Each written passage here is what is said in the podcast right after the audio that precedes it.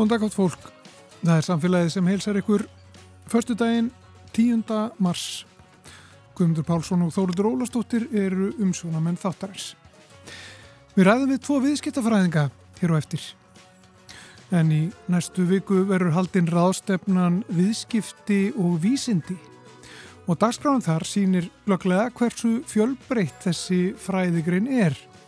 Þar verður meðal annars fjallað um skattsvik, nýsköpun, sölubanka, kulnun, fórustu, fóristu og síðast en ekki síst siðferði og sjálfbærni en viðmælendur okkar hafa skoðað þau mál vandlega, sérstaklega þegar kemur að tískuðinaðanum.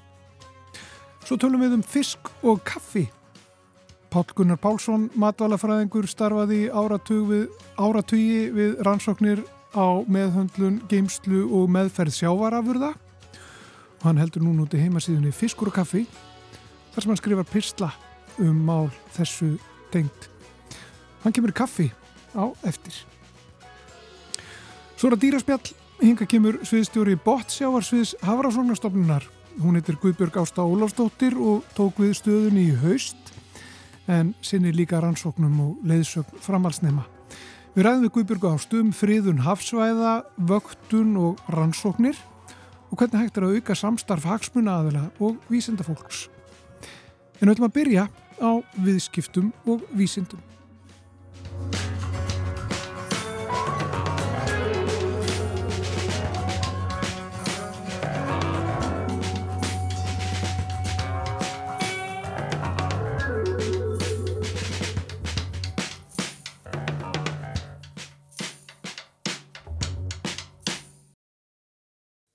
Í næstu viku mun ráðstefna á vegum viðskiptafræði deildar Háskóla Íslands fara fram.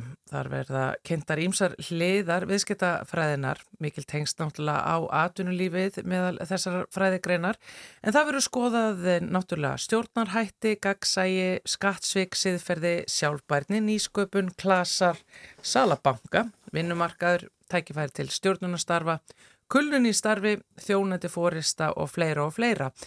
Það er nefnilega ljóst að það er fáttgreinilega sem er kannski viðskiptafræðinu óviðkomandi þegar maður spáir í það. Og það er einmitt það sem við ætlum að gera hérna í samfélaginu. Það eru sestar hérna hjá mér Laura Jóhannesdóttir sem er prófessor í umhverfis- og öðlindafræði sem er inn í viðskiptafræðiteldinni í háskólanum og Þóri Þórisdóttir sem er doktorsnemi og stundakennari í viðskiptafræðiteldinni. Sælar veriði báðar tvær. Mér langar kannski bara til þess að tala fyrst um viðskiptafræðina sem fræðagrein. Hún hefur ofta aldrei verið smættuð niður og það var gert grínaðinni hérna í rauninu þegar allir voru viðskiptafræðingar og við höfðum ekkert að gera við þá. Uh, en það er náttúrulega kannski eins og það sem þú ert að gera Lára í umhverjus og auðletafræðinni það er dæmi um hvað þetta er að mörguleiti viðfæðum fræðigrein, hvað hann tekur utan um marga þætti. Já, umhverjus og auðletafræðin er reyndar þverfræðileg námsleið innan Háskóla Íslands þannig hún hefur tengingar við öll fræðasvið Háskólans en sjálf sit ég í viðskiptfræðdeildinni vegna þess að ég er með viðskipt á bakgrunn mm. og að því að þetta málefni hefur auðvitað tengingu við viðskiptafræði eins og bara flest önnur svið innan Háskóli Íslands. Já, og þetta er þá svona, svona stækandi fræðigrein? Já, og það er mjög margt að gerast í, í viðskiptafræðinni og þetta tengist auðvitað mjög mörgu, þetta tengist stefnumörkum fyrirtækja, tengist mannusmálum, tengist þjónustu stjórnun, verkefnastjórnun og bara ímsu og svo þetta er sjálfbarni áhersluðna að fara að fléttast inn í vilja bara nánast hvað sem er. Er það kannski að breyta bara svolítið leiknum innan fræðigreininarinnar eins og er kannski með svo margar aðrar eh, bara með breytum heimi og, og þeim svona áskorunum sem við stöndum framifyrir? Já, algjörlega vegna þess að í rauninni uh, það er svo margt að gerast þarna og mikil segja, þrýstingur sem er að, að hérna, gerast og eiga sér stað gagvart fyrirtækjum, gagvart stjórnvöldum að eru út af ástandin í heimsmálunum sérstaklega til dæmis eins og loslasbreytingunum að eh, áður var kannski þrýstingur á fyrirtæki frá viðskiptavinum, frá samstarfsadlum, keppinautum, starfsfólki og svo leiðis en núna bara komin líka mikill lagalegur þrýstingur á fyrirtækjum að axla ábyrð og er að koma til dæmis í gegnum Evropasambandið og grænan samfélagssáttmála þaðan. Já. Þannig að núna rauninni að, já hvað við segja, svið innan viðskiptafræðina sem hefur ekki endilega fókusað mikið á sjálfbarnimál eh, þarf núna að taka þessi mál til sín. Já. Og Þóri, þú ert náttúrulega, já, doktorsnefni núna, hefur greinilega mm. valið svona þína línu í, í, í lífunu. Skinjar þú þetta líka, sko, að fólk kannski fatt ekki almennilega eh, hvaða fræðagrein, hvað hún er stór sem að þú ert inn í? Já, ég upplýði það svolítið líka. Það er ekki spurning, sko. Þetta er að breytast og hefur verið að breytast núna síðastlegin ár. Mjög rætt. Og, og einmitt varðandi þetta, svona stóru breytingarna sem að tengjast sjálfbærni, mér langar að færa mig bara svolítið inn í það og, og rannsók sem að tengjast ykkur og þið hafi verið að vinna og er einn þeirra fjöldamarkar sem að verið kynnt á, þessari viðskipt og vísindaráðsstefnu í næstu viku. Og það er, eh, já, stef sem menn og margóft tekið hér í samfélaginu, það er tísku yðnaðurinn, textil yðnaðurinn og, og og sjálfbarni og, og viðskiptamótili sem hann keirir á ef ég fæ ykkur aðeins til þess að segja mér frá þessari rannsók. Já, heyrðu, ég byrjaði í þessu 2016, ég ætla kannski verið að segja frá því, ég hef bakgrunn úr tískunni, starfa lengi hjá ellumdum fyrirtækjum hérna á Íslandi. E, viðskiptamótili hefur svolítið verið bara veist, þetta hérna að koma með einhverja vöru, þú veist, búina til mjög hratt og svo er bara ekki verið að hugsa um hvað gerist eftir á. Við erum með vöru sem að við kaupum vöruna við erum búin að hættum að nota hana og svo hendur við henni. Þetta er eitthvað sem að viðskiptamótilið þeirra hefur ekki að taka tillit til. Mm. Og það er það sem ég er svona kannski meira að fókusa á því ég er að horfa á tískuna og viðskiptamótilið þeirra. Hva, hvernig ætla þeir að taka á þessum vanda sem að þeir hafa skapa með þessari mikillir framleyslu. Þannig að þetta er náttúrulega sko af, út af þínu bakgrunni eitthvað sem að þú hefur bara séð gerast og verið hluti af viðskiptamótali sem bara kemur sín á daginn að er ekki sálbært. Ég, það er mín upplifin, já. já.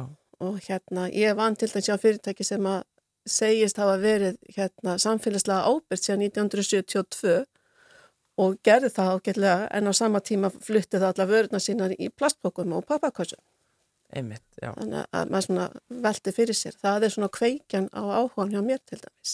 Lára, þetta er bara einmitt svona frábær rannsókn og dæmi um hérna það sem að fræðin geta skeilað inn í atunulífið og til fyrirtækina. Já, já.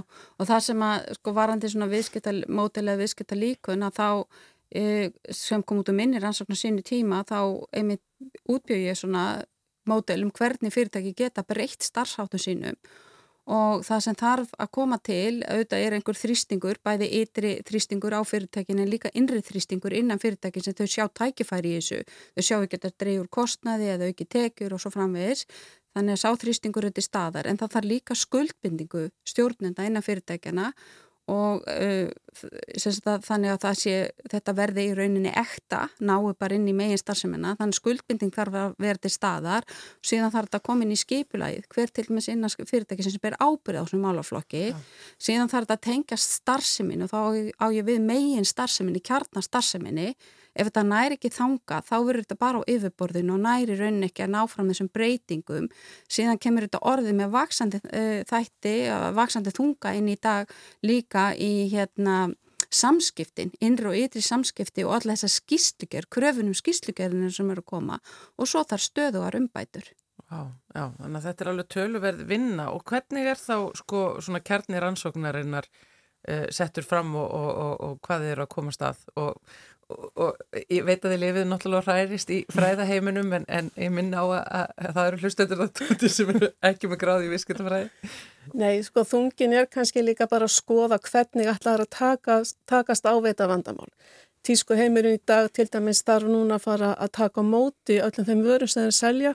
Það er eina af þessum reglum sem að lára nefna eins og 2024 er að koma reglegjar fyrir Europasambandinu sem að er þannig að þau þurfa að taka við vörum sem selja frá viðskiptafinnum og þau situr svolítið upp með það að kemur svolítið fram í minnir ansókn hversu erfitt þeim finnst að takast ávita þannig að þau veit ekkit hvað þau er að gera það er ekki komið neitt svona neitt ferli fyrir þau til að setja þessi född aftur tilbaka í endurvinnslu eða endur nýtingu ah. þannig að það vantar svolítið þetta samtala millir stjórnvalda millir fyrirtækina sjálfura hvernig á að leysa þetta til dæmis.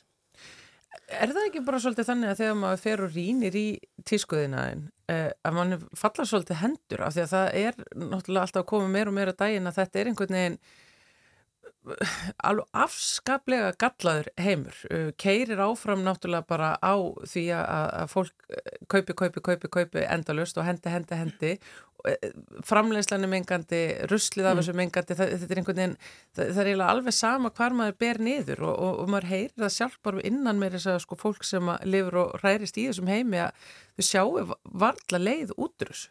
Það eru margir að reyna og það er ekki að segja sko, þú veist eins og litli fyrirtæki, þau sannlega reyna að gera sitt besta, þau eru til dæmis að reyna að koma fram með einhverju tímalösa hönnun, þau eru að reyna að nýta, þú veist, allt úr framlöslinni, þú veist, í fylgihluti og annað, en vandin er, þú veist, þau eru að keppa á marka sem eru stóri raðila, sem eru virkilega þrýsta á og eru að koma með mikið magn af vörum, þannig að þetta er svolítið, jafnvægið er svolítið skakt þarna.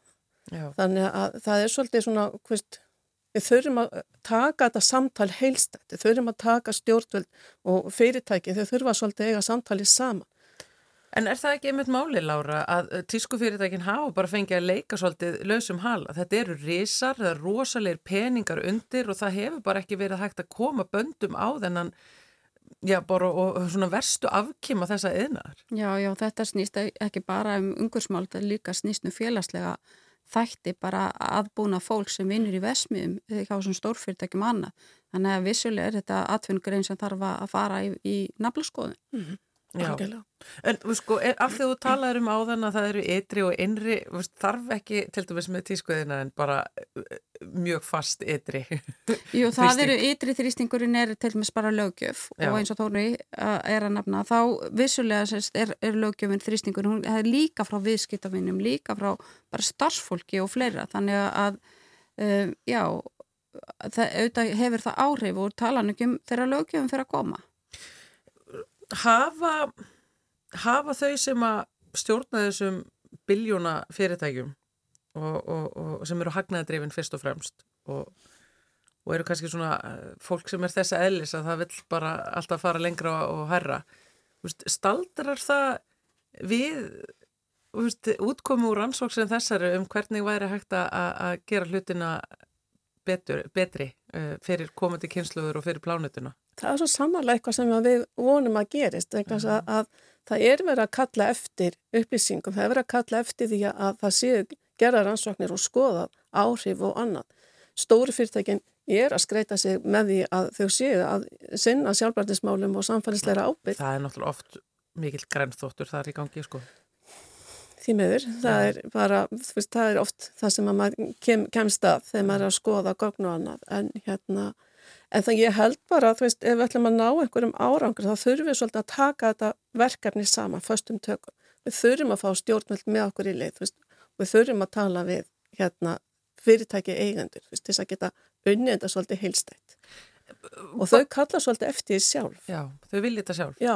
En þegar þú varst að rína í þessi fyrirtæki og skoða skýrslutnar og sjálfbarni pælingarna sem þau hafa sett fram var substans í því þegar kom það á daginn eða var þetta ofkjent? Ég myndi segja það já það hefur verið svolítið, þú veist, það er þarna alveg margt sem að kemur þarna á óvart og það er líka margt sem eru að gera sem er gott Já Já. Þau eru að reyna, þú veist, maður sér það alveg með minni fyrirtæki, þau eru virkilega að reyna að gera sitt besta en þeim finnst þau oft vera bara að berjast við eitthvað afl sem þau ráð ekki við og finnst þau bara vera að drökna í veist, þessum, þessari samkjærni. Já. Sko, þú eru eins og bara fyrir svona leiðbeinandi rannsókn sem að atvinnulífið og fyrirtækin geta nýtt sér. Þetta er til dæmis gott dæmi um það hvernig fræðasviði getur stutt við atvinnulífið, er það ekki? Jú, jú, algjörlega og það eru þetta bara ímislegt í gangi í rannsóknum og á öllum stigum innan háskólans og, og til dæmis í viðskiptafræðinni mikið af fínum rannsóknum sem er framkvæmdara meistarnumum og dalarningum doktorsnumum sem eru bara hafa hagnit gildi ekkert síður en fræðileg. Já.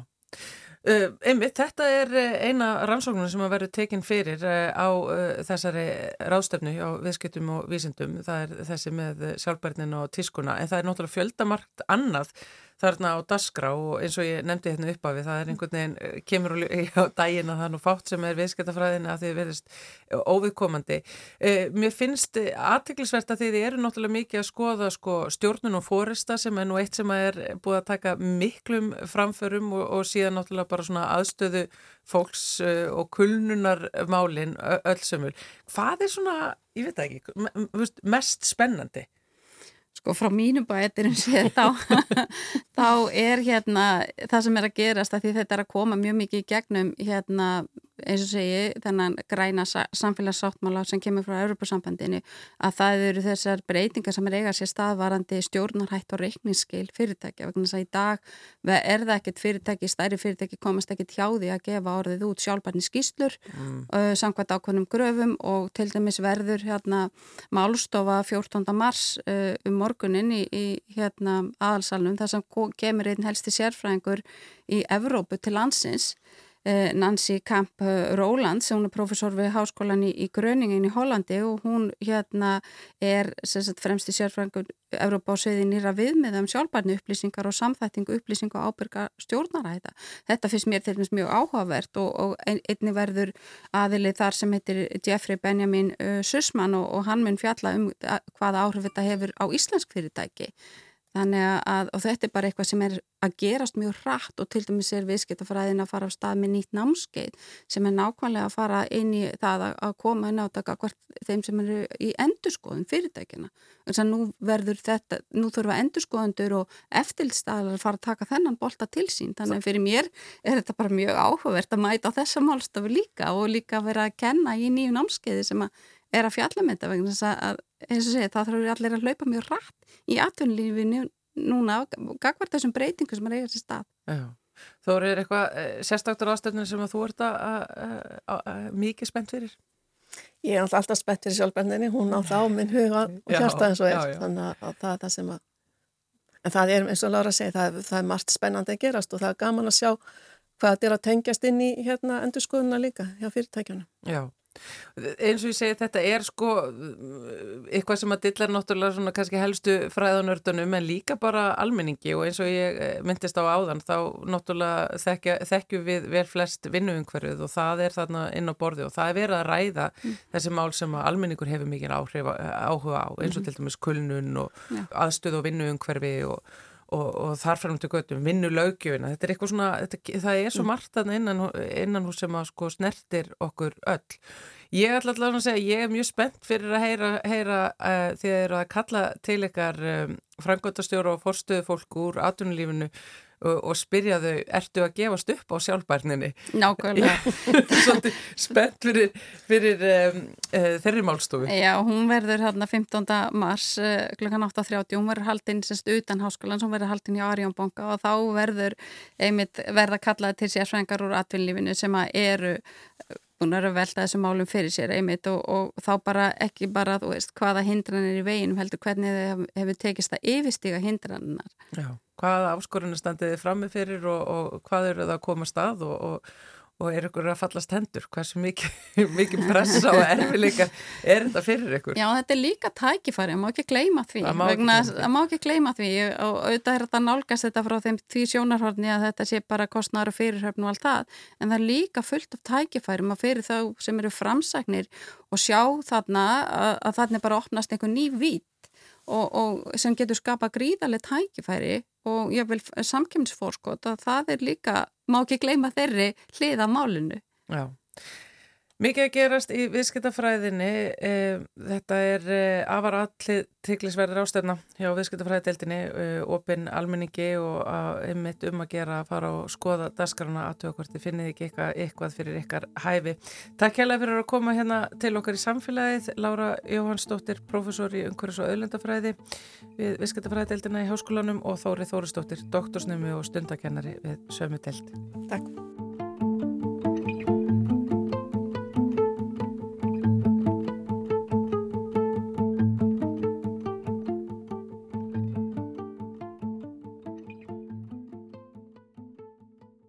Er sestur hjá mér Pál Gunnar Pálsson, matalafræðingur, vann nú lengi hjá Matís og, og rannsóknastofnum fiskiðnaðarins og uh, í, já, vann í mig störf sem að tengjast uh, fiskvinnslu og uh, markasetningu á, á fiskaförðum og, og þess að þar.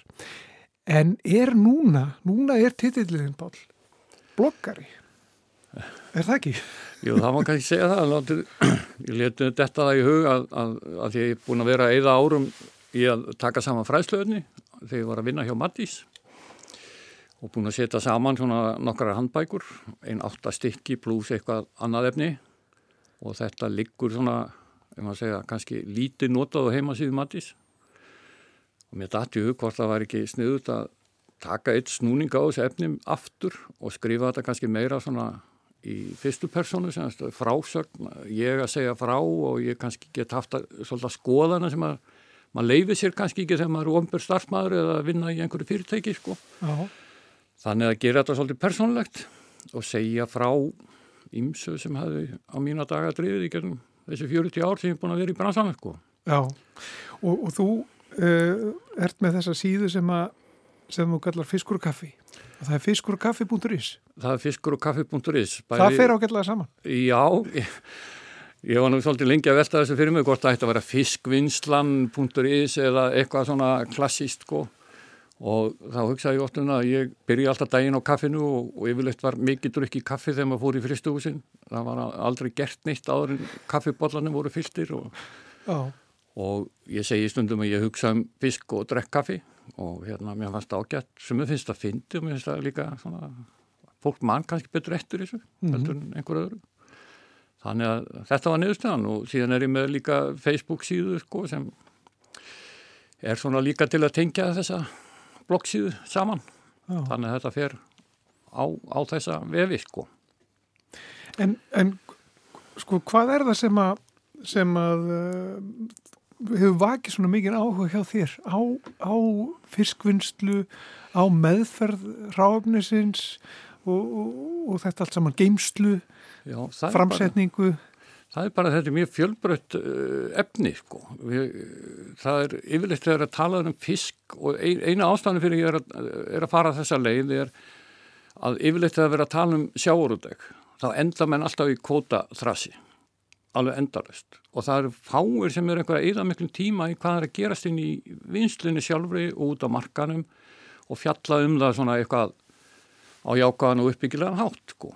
og, og þar fannst mér eiginlega að vera svolítið tækifæri að, að snúa þannig vörðin í sókn og taka þessi verkun og vinslu sjáarafra var meira upp á borðið Já, og þetta hefur verið uh, stóri svona fókusin í þínu starfi í ára tugi? Já, já, þetta byrjaði raun og veru bara strax eftir nám þegar ég fór að vinna í niðursöðu Vesmi í Hafnafjörði og gerist þar gæðastjóri og vissi raun og veru ekki hausni hala á þessu, þessari niðursöðu brannsarko og þetta er mjög áhugaverður áhugaverður hérna áhugaverð vara niðursöðan þetta er til dæla flókið og, og, og hérna og mörg gæðamál.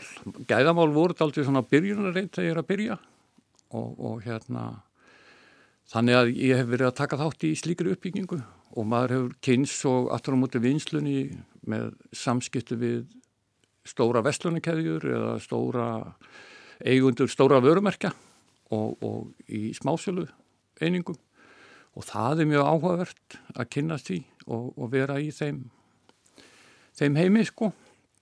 Við Íslendikar höfum reyndar aldrei verið með einn svona hvað maður segja, vörumerki út af neytendamarkaði. Við höfum mjög þekkt náttúrulega inn á þessum veitingahúsum kannski og svo aftur á móti fyrirtækja sem er að kaupa fisk og endurvinnan, endurpakka og öðru slíku. En, en við erum ekki með neitt þekkt vörumerki út í búð eins og margir aðrir. En þetta er, þetta er vara, þetta er ráfni sem er mjög viðkvæmt í rauninni, er það ekki? Viðkvæmt fyrir hittastíi og, og, og þarf einhvern veginn að gæta mjög vel að því hvernig það er unni? Já sko þetta eh, fiskur byrjar að skemmast og leið og hann er tekinu borð. Og leið og blóðið hættir að renna í fiskinum og, og þá byrjar niðurbrótt starfsemi og það er bæði hittastíg og það er meðferð fyrir döðastyrnun og það er kælingin og, og slæging og blóðgun og allir þessi þættir, þetta er, þetta er allt saman svona veigamiklu þættir sem hafa áhrif á hvort að við erum að fá kvítan, fallegan, stinnan, fisk á diskin sko. og ég er nú ekki búin að taka saman, ég er svolítið svona að leika með með hugtaki feskur fiskur af því að menn tala um feskan fisk og þá er það fiskur sem ekki hefur verið fristur en hann getur alveg verið 10-12 daga gamal sko. en ef vel er farið með hann frá upphæðu til enda að þá er hann svona fesk leikin ennþá til staðar einhver leiti sko. en náttúrulega mótið að þú fristir fiskin og þá getur þú fristan bara strax um borði í skipi þess vegna eða eftir 2-3 daga í landi og, og það, þá ertu eiginlega búin að festa gæðin svolítið sko. En þá þarf það að fara vel meðan þú þýðir hann upp aftur og það er svona ákveðin ákveðin mál til að ræða um það líka, hvernig maður þýður upp fisk og hvernig maður tekur fiskin úr fristinum og gerir hann að góðu mat sko. Þannig að það eru, það eru gríðalega mörg atriði sem hafa áhrif á hvernig fiskurinn sem sagt, hversu góðu fiskurinn verður þegar hann er komin á diskin sko. því að kokkurinn lagar ekki liðlegt tráinni það er marg reynd og það hafa örglega margi prófað það að, að, að vond brað kemur í gegnum kryttið og, og sósutnar og annað þessar þannig að það er ekki hægt. Þannig að það, það þarf að hugsa um þetta alveg frá fyrstu hendi og það er gríðalega margt sem getur komið upp á raun og veru sko. Og það er það sem ég hef verið að fjalla um í þessum hérna, handbóku mínu sko, það sem ég hef verið að taka saman sko, saltfiskverkun, feskfiskverkun uh, síldarverkun og þurk, þurkun á fiski og ímislegt annað. Þetta eru, þetta eru allir ég ekki búin að skrifa eitthvað 5-6 blasur af efni um þetta um sagt, alls konar vinslu aðferðir og, og, og þætti sem geta haft áhrif á gæði og heilnæmi og, og öryggi sjáarafra Hversu mikilvægt er svona starf eins og þú hefur synd og, og þið hjá, hjá Matís og, og rannsóknarstofnunni þar áður sko? Mm -hmm. Hversu mikilvægt er þetta bara upp á, upp á að varfita já, eða bara búið til nýja þekkingu og, og til að halda utanum um gæðin og meðferðin sér rétt og þess að ég... og það sé þróun einhvern veginn raunveruleg í, í því? Já, ég held að sko rannsóknarstofnun fiskunarins og síðan matís, eh, þetta eru svona eh, stopnarnir og fyrirtæki sem eru búin að gegna svona líkil hlutverki í þessu uh, og mikilvæg því þetta er svona uh, það er oft fyrirtækin hafa ekki burði eða mannskap til að sinna einhverjum miklum rannsóknum, þeir geta sinnt ákveðinu vöruþróun og, og, vissulega ákveðinu, ákveðinu rannsóknum líka en þeir þurfa oft svona einhverja sérfræði þekkingu til viðbótar og, og hún er svona óháð inn á Matís, þar eru menn með oft mikla mentun og mikla þekkingu og mikla reynslu og ymsum sviðum. Og þar verða til svona ákveðna leiðbenningar þó að sé ekki beint gefnar út það eru nefnundur að vinna í, í, á, á Matís og, og rannstóttum fiskunæðins að vinna verkefnum í háskólunum og síðan í samskiptum við fyrirtækin og eru oft líka að vinna verkefnin í fyrirtækjanum og leysa þar með ákveðin svona verkefni. Ég hafði til dæmis bara í árdaga þegar ég var í nýðsinu þá var ég alltaf með einhverja nefnöndu frá Háskólu Íslands inn á gólfi hjá mér. Og bæði það að þeir lærðu vonandi eitthvað að mér og því sem þar var gert en ég lærði líka heilmikið að þeim. Því að þeir voru að koma með svona nýja ströymar, nýja rábendingar og nýja hugmyndir. Þannig að þetta er Þessi samskipt eru óbúslega mikilvæg. Að það sé svona háskólinn, rannstónstofnunir, fyrirtæki, þetta sé svona, hvað maður segja, svona söðu pottur og, og, og hérna ég held að þetta gegnir líkil hlutverk í dag að hafa góða háskóla og góða rannstónstofnunir sem eru með sérþekkingu. Hagsmunir eru náttúrulega þeir sömu hjá, hjá þessu, öllum þessum aðlum. Já, já, þetta er alltaf, það er allir að fara sömu, sömu átt, sko. Mm -hmm. Það er að mhm. búa til meiri verðmændi og fara betur með það sem við eigum, sko. Mm. Það er svolítið þannig. Það hljóta á orðið mikla breytingar bara með, bara tækni, kælitækni og, og vinslu, náttúrulega, sjálfvirkni og, og þess að það, lítur á orðið mikil þróun á, á, mínum, á ekkert mjög lögum tíma. Já, alveg gríðalegt, sko. Og mínu ferlið þegar ég er að byrja þá þá er náttúrulega þessi stóru fyrirtæki Marel svona valla, valla til og, og, þá var annað fyrirtæki sem heit Póllin og Ísafjörði svona rétt að byrja og þannig að og öll þessi sjálfvirkni væðing þetta er gríðali breyting sem eru átt sér stað á, á síðustu áratugum. Og, og hérna það er fólki í bransana eða fólki, starffólki í fiskina hefur fækkað mikið. Þetta er orðið miklu þrývalegri yðnaður heldur en var þegar maður fór þarna í, byrjaði í fyrstu, fyrstu ferðánum í fristúsin þá gæti maður að lappað um bara af göttunni og, og fólki átti leið um og kom og lappaði um og hilsaði upp á fólk og kaffi. og fekk sér kaffi. Og þannig að en þetta byrjaði í raun og veru þegar við fórum að hafa samskipti við sko svona uh, í neytundavörunum, smásölukeðunar eins og Max og Spencer sem voru með mjög strángar og stífa reglur um gæðamál.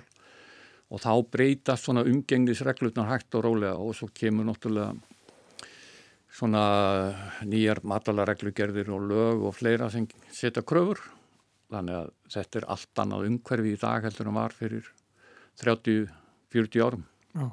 Og, og bara miklu meira spennandi. Og, og, og þetta er núna sko ég held að fiskurinn hafi ekki alveg verið með status sem matvali fyrst þegar ég var að byrja. En í dag held ég að allir sjá að þetta er bara mjög mikilvæg matvali og sem ber að fara vel með. Mm. Að þú minnist á og Spencer þá skrifar þú inn á vefinðin fiskurokaffi.is um bein og Já. ekki bein. Já. og hvernig bein er bein og hvernig bein er ekki bein og svo framhegs og, og þar er, kemur maður svo spensir við sögu vegna þess að, að þar er eins og þú segir gerðar svolítið stífar gröður Já og þeir, þeir svona vara fólk við sagt, þeir, man ekki hvernig er orðað þeir, sagt, þeir, það er allt gert til að fjallaði beinu en það geta verið bein eftir og, og, og þar að leiðandi að fólk þarf að hafa svolítið í huga ef það er að gefa kannski litlum börnum fisk að það sé skoða vel hvort það sé beint í staðar.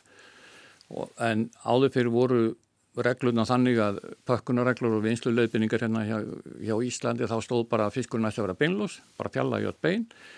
En við vitum það alveg að það, það verða alltaf einhver mistök. Það verður alltaf að fara fram hjá fólki einhver bein og sum bein geta verið mjög alvarleg ef þú ert að borða ekki vildi ég borða plokkfisk sem var stappaður saman úr óbeinreinsöðum flökum og þú vissir aldrei hvar beinin væru eða í hvaða bita kemur næst bein sko. þannig að þetta er alvarlegt mál, þannig séð en ef menn eru með gott gæðakerfi og, og gott gæðaeftirlit að þá eru líkunar á að einhverja alvarlegar uppákomur eigi sér stað mjög littlar og í talningum að núna eru komin inn í fristúsin sko tæki sem sjá bein inn í fiskinum sko röngan myndavílar er að taka myndir af flöggum og, og, og, og skera í burtu bengarðin sko, velrænt. Þannig að þetta er orðið mikil breyting á. Já. En þykir ástæð til að vara við? Það þykir ástæð til að vara við, þetta er svona já. svolítið gamalt, ég veit ekki hvort það stand, standi lengur á pakningunum, gerð, það gerði það í galna dag sko. Bara gætið inn heldur bein? Já, já. og hérna En þá er til annað batteri sem heitir Codex og er, er á vegum, hérna Codex Alimentarius heitir það á latinu held ég og er á vegum heilbriðstofnunar saminuð þjóðana og einhver annar stofnunar líka, visskiptastofnunar einhverjar. Það sem menn eru að setja alls konar staðla til að geta sett upp í gæðikerfið þegar hvenar er bein bein sem skiptir Aha. máli og hvenar er bein ekki bein? Og, og, og það er sett svona stærðamark og með ekki vera svona langt og svona þygt og svo framvegis. Og svo eru ímsi kaupundu með aðeins meiri kröfur og, og fleira í semtur þannig að inn í gæðakerfin þá þarf að vita hvað þú ert að leita mm -hmm. og þú, þú minnist á það einmitt í í þessari grein um, um bein og ekki bein. Mm. Eh, þá talar þú um, um síld, steikt síldarflögg eða rétt. Ekki góða minningar. Ekki góðar minningar. En þar var nú bara svona það tók því nú alla að vera eitthvað pæli beinum þar. Nei sko já, já, já það átt að reyna að kenna mér að borða síldarflögg með beinum sko og, og hérna ekki að gera mikið úr þessum mjúku beinu sem eru í síldinu því að þau eru ótal mörg. Og hérna en ég strækaði alveg á þennan mat en svo fór ég að vinna við það í upphafi sko að sjóða niður síld Sagt, vinna mín var að sjóða niður síld eh, svo kallar Kippers sem var frækt vörumerkið þarna, King Oscar og hérna þar sögðum við eh, síldina það lengi að beinin eiginlega voru fundust ekki lengur, þau voru orðin bara alveg horfin. Mm. Þannig að þá gæti ég alveg borða síld í, í massaví sko og það var allt í fínulegi með það sko. Þannig að það er hægt að, að breyta beinum í ekki neinn bein sko. Já, það er náttúrulega margt fólk bara óttast að reynlega að, að það sé bein, bein í, í fisknum pjáði. Það, það bara hefur ágjur að því og, og jafnvel borðar ekki fisk vegna þess að það bara getur ekki hugsað sér að, að fá upp í þessi bein. Nei, ég held að það tröfli ansi marga sko og, og hérna og sérstaklega þegar maður er hættur að sjá hvernig flakið liggur sko. Gamla dag þegar maður fekk þerskotna ísu í matinn sko, þá vissi maður alveg hvar beinin voru og þetta var smá vandasamt verk að reynsa beinin en, en hérna en þetta lærðist mjög, maður var ekki gammal þegar maður var búin að læra það að vita hvar beinin væru í, í fiskinu sko, til að losna við að borða þau en, en beinir, þetta er viðkvæmt sko. og þetta getur meitt líka sko. Já, einmitt þannig að það er alveg hægt sko. en, en, en í dag er þetta sko, þetta er mæntalega bara smámál sko. að því vinslan og, og eftirlit og tæknin og, og kunnáttan og annað þess að þetta er bara orðið á þeim staðað að þetta eru freka litla líkur á þessu mm. en alltaf til staðar einhvað síður Það hefur eitt sem hefur breyst mikið það er full nýting á ráfninu það hefur verið mikið verið gert til þess að nýta eitthvað sem var bara fleikt hérna áður fyrir. Já, það var náttúrulega sko, jú, jú, það fór mikið í, í sjóin þegar var að vera að slæja fisk og annað höstar og hausar og annað, en í dag er verið að nýta þetta miklu, miklu betur heldur en áður. En það var svo sem ekki miklu, held ég, hend í þeim skilningi að það er bara sett á haugana. Þetta fór yfirleitt í, í einhvers konar mjölvinslu eða eitthvað þess að það eða eitthvað salta kannski í hesta eða einhverja skeppnur borið á tún og alls konar leiðir sko.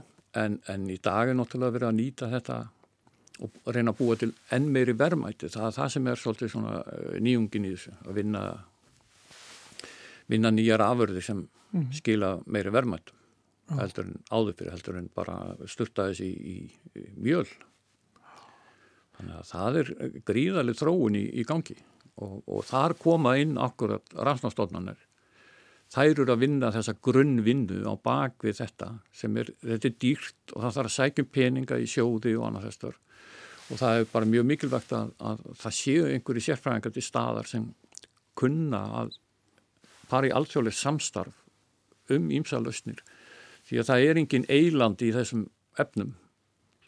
Því að það er, það er, það er svo mikið að gerast alls þar í kringum okkur og við þurfum að hafa hlustendur og menn sem geta farið út í heim og tekið þátt í rástöldnum og fundum og hitt aðra, aðra sérfræðinga og rætt málinn fram á aftur og, og svo framvegis. Þannig verða, verður nýsköpunni til. Þetta er bara líkillinn og, og eitt fyrirtæki eða þó þessi stórt sjárfyrirtæki, þeir get ekki búið til svona rannsóknar einingar sko, sem, sem geta tengið þátt í þessu að einhverju viti. Þannig að við, það er bara mjög mikilvægt að halda og ég er kannski aðeins svona halla, svona, hvað maður kalla þetta, svona geti hægt muna minnst gamla vinnustæðar en, en hérna, en þetta er bara mjög mikilvægt. Pál Gunnar Pálsson, matalafræðingur, eh, bara eitt í, í lokin, Já. Eh, er fiskur í matinu þeirri kvöld?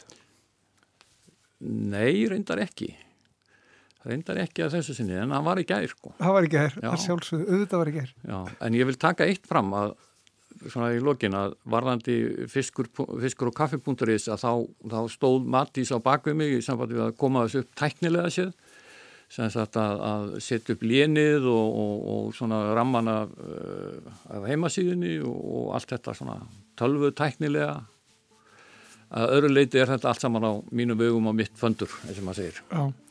Ég er bara hvet fólk til að kíkja á þetta, fiskur og kaffibútur þetta er skemmtileg lesning. Takk fyrir komuna. Takk að þið fyrir.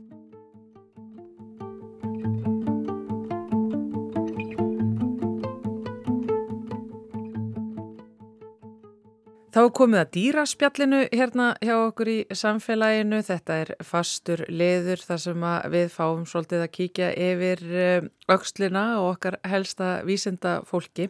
Fræðast um hvað þau er að vinna með og skoða og rannsaka. Komum aldrei á tómum kofanum hjá þeim Og þetta er ekkert endilega alltaf um dýr. Mm, við höfum alveg farið í allar áttir með þetta en það mæðist vísinda fólkið okkar vist, jú, í mörgu. Að þessu sinni er það Guðbjörg Ásta Ólastóttir sem er sest hérna hjá okkur.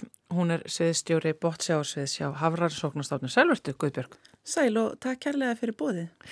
Æfilega velkomin. Eh, þú ert eh, eina þeim sem spáir mikið í hafinu, það er náttúrulega inn á þínu sviði eh, og það sem að mér langar fyrst og fremst kannski til þess að tala við þig hérna er verndun hafsvæða sem er eitthvað sem að þú hefur gefið að í þínum störfum, ekki satt? Já, verndun hafsvæða er náttúrulega mjög heitt málefni nú, núna á þessum tímum og hérna eitt af þessum stóru málum sem hafa verið á mínu borði síðan ég tek við sem sviðstjóri bótsjóðsins hjá Havrú.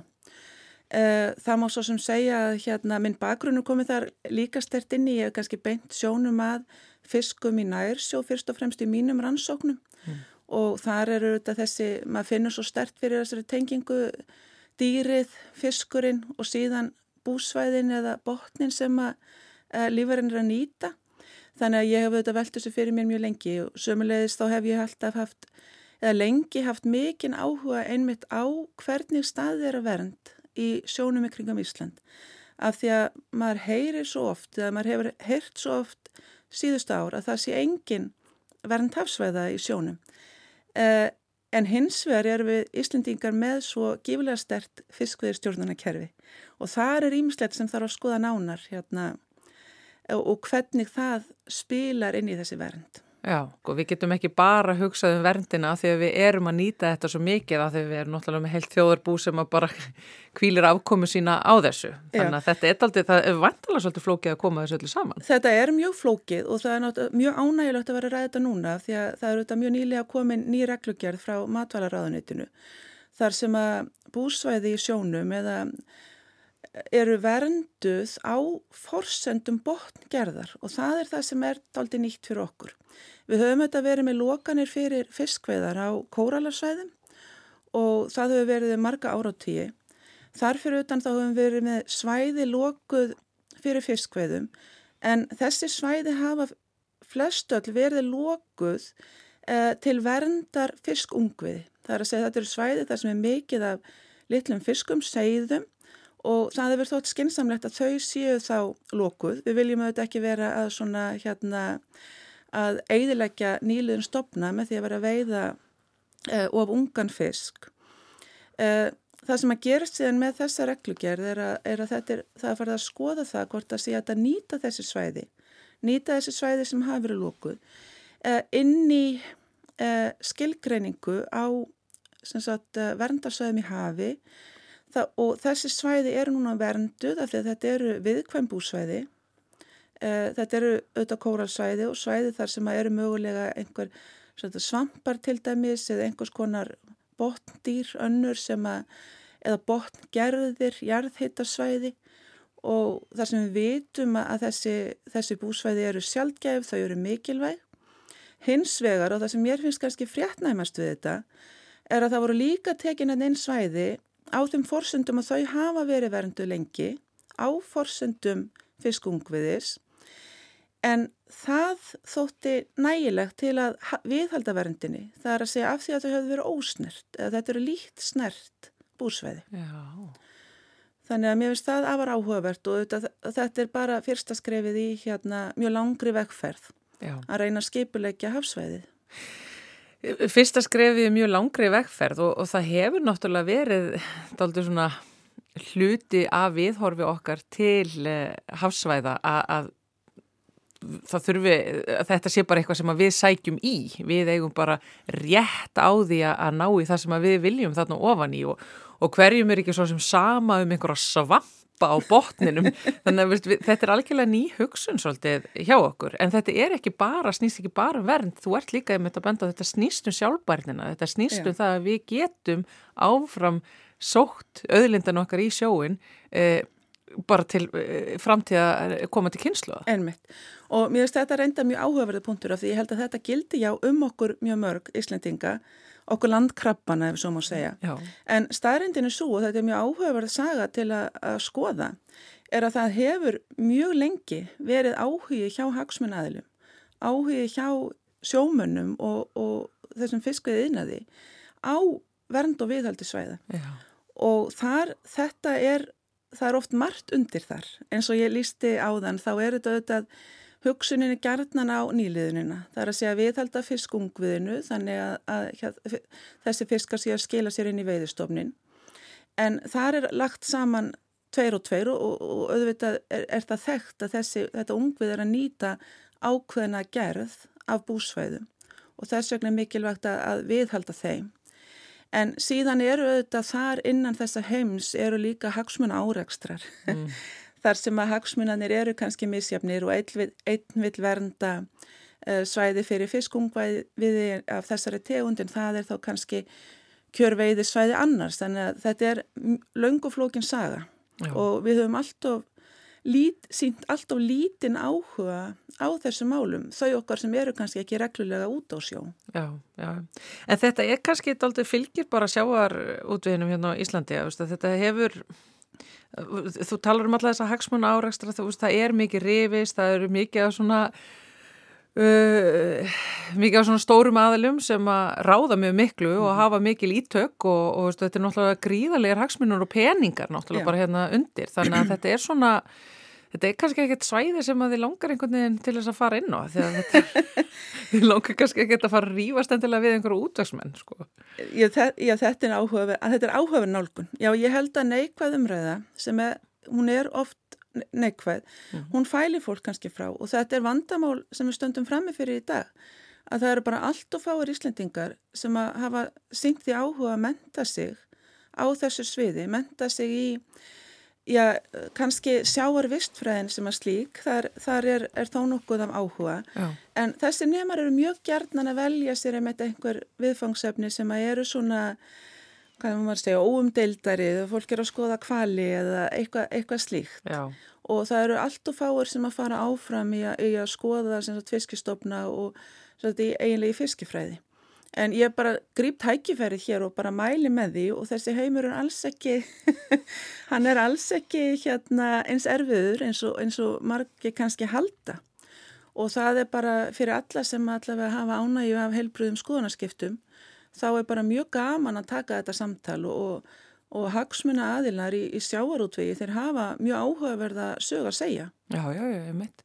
Og, og þetta er vissulega samtal sko því að þú getur verið hagsmunaðil útgerðamadur og, og hugsað um verið hagnaðadrefin í, í þínum fyrirtækjarekstri en getur og áttuð þetta líka hlusta á vísendafólki sem eru að skoða. Þetta bara þannig. Auðvitað, auðvitað og það, ég, með þessi mál þá erum við öll svona í orði á sömu blaðsjönu. Við, við viljum öll ná fram því sama, við viljum öll ná fram sjálfbærni og, og sjálfbærum veiðum og sjálfbæri nýtingu af því að nýtingin er jú auðvitað fjálbreyttari heldur en bara fiskveðar. Mm. En það eru skiptaskoðinir á því hvernig á að fara að því Já. og síðan eru þetta oft þessi samþætting hagsmuna þar sem að það eru hagsmuna, hagsmunir er ekki þeir sömu í öllum, í öllum greinum. Nei, emmitt. Þetta er allavega svona æri verkefni og við þekkjum það svo sem alveg bara hérna ofan að landi sko, varðandi þjóðgarða og friðlýsingu svæð og það er rifist alveg hellinga yfir því sko, veist, hvað má og má ekki á þessum svæðum sko. Já, emmitt og það auðvitað og þetta gildir það sama þarna og við þurfum að skoða þetta mál mjög helstætt og ég held að það sé bara mikilvægt að við förum að opna þetta samtal og ég bara óska þess að það verði fleiri áhuga samir og fleira ungt fólk sem hafi áhuga á að taka þátt í þessari vinnu með okkur. Og þú fáir þá bara fleiri inn í fæið, þetta er spennandi og skemmtilegt ná. Já, fleiri inn í fæið og líka inn í þennan þátt sem skipila á stjórnunum sem að segja því að þar er mjög mikið óunnið og sem beturferð þá er það nú mín tilfinning að yngri kynnslóðin, hún er mjög fókusörð á þetta, hún er mjög fókusörð á sam, samtalið, hún er mjög fókusörð á samráð og allskinn svona óheðbundnar aðferðir til að nálgast þekkinguna. Já. Þar held ég að það liggi mjög mörg tækifæri af því að þessar rannsóknir eru þetta alveg gífilega dýrar og við eigum mjög mikið eftir bara til að fá grunnskilning á, á hérna búsvæðum og, og vistkerfi hafsins í kringum Ísland og þá er náttúrulega mjög mikilvægt að það sé að leita þá kannski svona óheðbundnari leiða með því til dæmis að, að reyna nálgast þær upplýsingar sem eru til staðar hjá þeim sem er alltaf út á sjó, sem eru jú sjómenninir. Sem að þekkja þetta. Mm -hmm. Þetta er einmitt kannski það sem þið þurfið ofta að takast á við. Þið eru kvöldu sérfæraðingar á sunnan sem að skiljið ekki neitt meðan að hérna, sem er hafað einmitt verið á sínu miðum í, í, í, í 50 ár sko.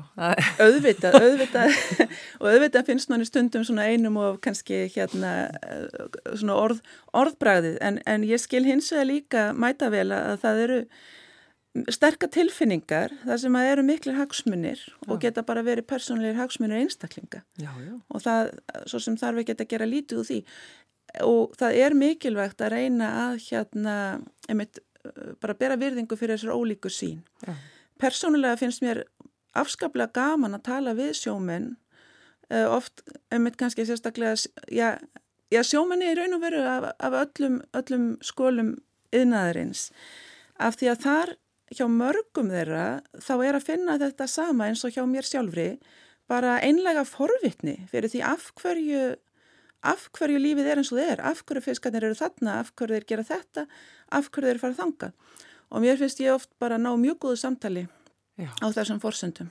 Undur hafsins eru líka svo rosaleg og talandið mitt um það, eh, Guðbjörg, að þú segir að við erum að taka svona okkar fyrstu skref í átta friðun og verndun hafsæða hvaða skref eru framöndan? Hvað, hvað, er, hvað er svona framtíðar sínin varðandi íslenska hafsvæð, varðandi verndun þess? Hva, hversu mikið að því er að fara og ætti að vera friðað og verndað?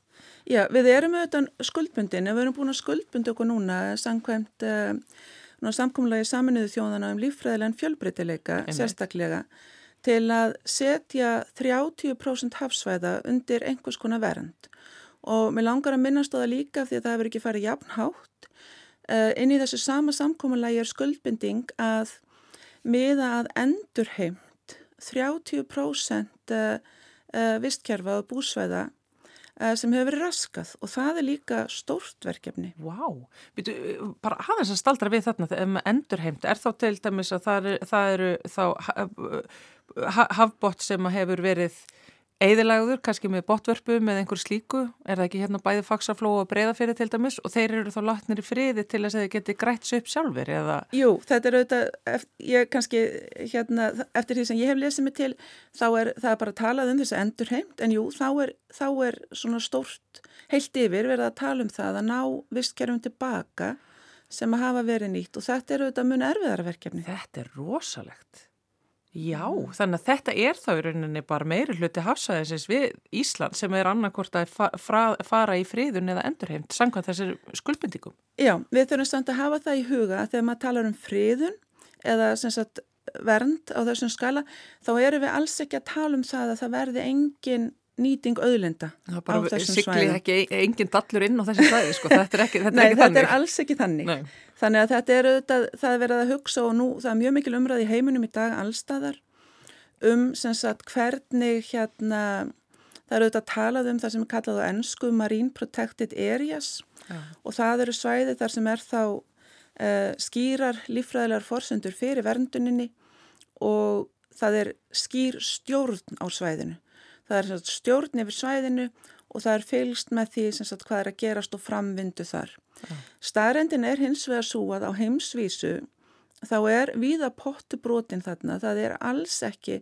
virkstjórn eða virkt eftirlit yfir þessum svæðum og það sem við erum að tala um í þessu 30% takmarki, það getur verið ennþá viðtækara. Það verður að nefna svæði þar sem er til dæmis Uh, vernd á veiðum uh, út af trúmarlegum ástöðum, það verður að tala um svæði þar sem að í raun og voru allar aðgerðir, uh, til dæmis fiskveðurstjórnunar aðgerðir, þar sem er þetta raukstíða það að þær skili markmiði við viðhald lífræðilegs fjölbreytileika, það myndi allt geta komið þarna undir. Þannig að þarna er alltaf stórt verkefni að kortleggja þetta. Wow.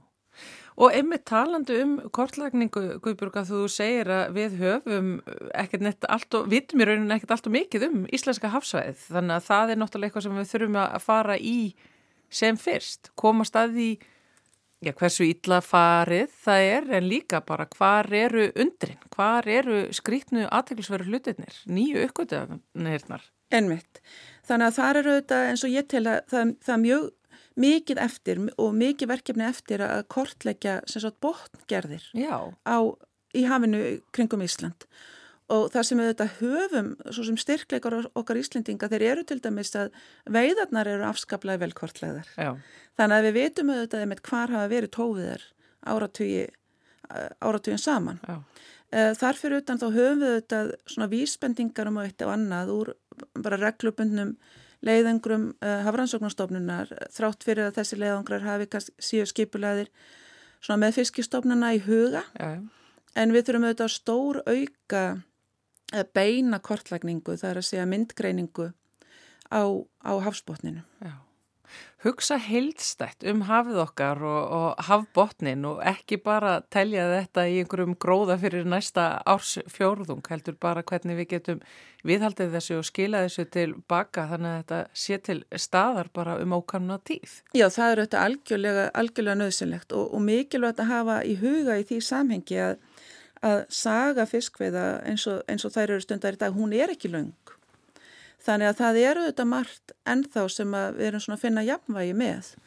Þó svo svona þessir okkar, náttúrulega ef maður tekur þorskindinni sem dæmi, þá er, við, er hann undir virkri stjórn og góðri stjórn og allt það. En það eru ýmsar aðra tegundir og það eru ýmislegt annað út í sjó sem við vitum bara miklu, miklu minnum. Já. Og við þurfum að beina sjónum frekar að því.